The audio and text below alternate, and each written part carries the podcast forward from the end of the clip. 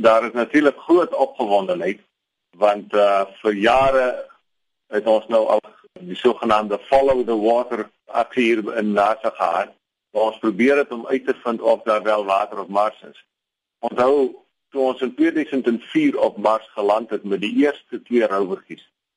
Op daardie stadium het ons nog geen werklike bewyse gehad dat daar ooit water op Mars was. Nie alleen dat daar voorheen water was nie, ook nie vandag. Nou hierdie aankondiging wat ons vandag gedoen het, bewys dat daar vandag nog water op Mars is en dat die water sekere tye van die jaar vandag nog op Mars vloei. As daar water soos hierdie op Mars is, is daar hier moontlik dat vandag nog lewe op op Mars. Was werknemers by NASA bewus gewees van wat in die aankondiging gaan wees of was dit amper as 'n staatsgeheim hanteer? As jy teruggaan en kyk die eerste tekens van hierdie ontdekking wat bekend gemaak is, is al reeds in 2010 gedoen. En ek het nou al baie jare gebruik ek al daardie spesifieke reeks van beelde wat so van 'n videoetjie vorm om te wys dat hierdie nat strepe op Mars vorm. So 2010 het ons al reeds geweet hierdie soort van goed bestaan.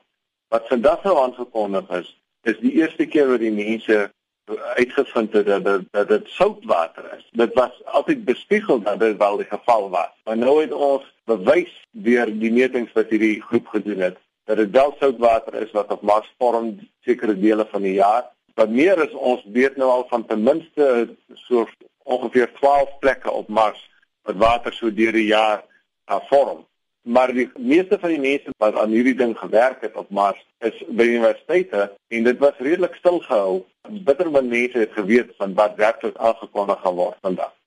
Jy werk nou meer met die meganiese aspekte van wat op Mars gebeur. Hoe weet ons dat hierdie water soutwater is?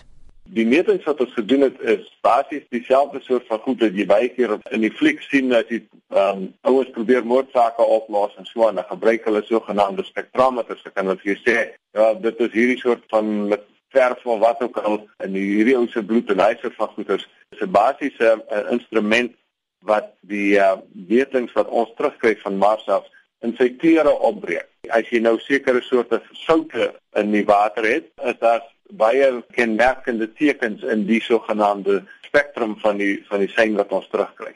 So dit is wat ons gedoen het.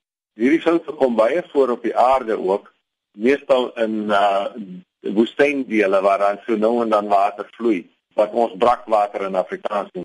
So dit is maar basies dieselfde soort van ding, is brakwater wat daar op Mars vloei. So wat is nou die volgende stap in hierdie proses? Wel natuurlik die groot vraag nou is kan ons by die goed uitkom. Nou dit is baie moeilik want hierdie goeters is op die kante van kraters en so aan waar daar sterk hellings is en so aan. So ons kan nie met ons rovers daar opry nie. Dis te steil. So ons wil nou aan ander goeters werk om daar te probeer uitkom. Ons het twee tegnologieë wat ons hier by JPL ontwikkel.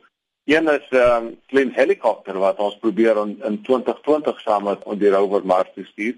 Hierdie soort van helikoptertjie sal dan kan vlieg tot by die nat plekke en daar gaan sit en gaan kyk en en metings neem en so aan.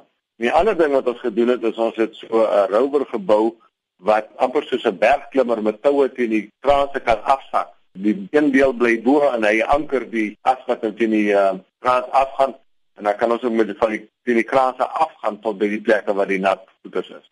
Maar dit sal nou 'n hele rukkie vat voordat ons die sendingstof by Mars kan uitkry. So op die oomblik sal ons nou maar moet al die goeders van ons satelliete af probeer meet. Maar nou die groot vraag natuurlik is is daar dalk bakterieë wat nog oorleef in hierdie areas waar daar gereeld water val.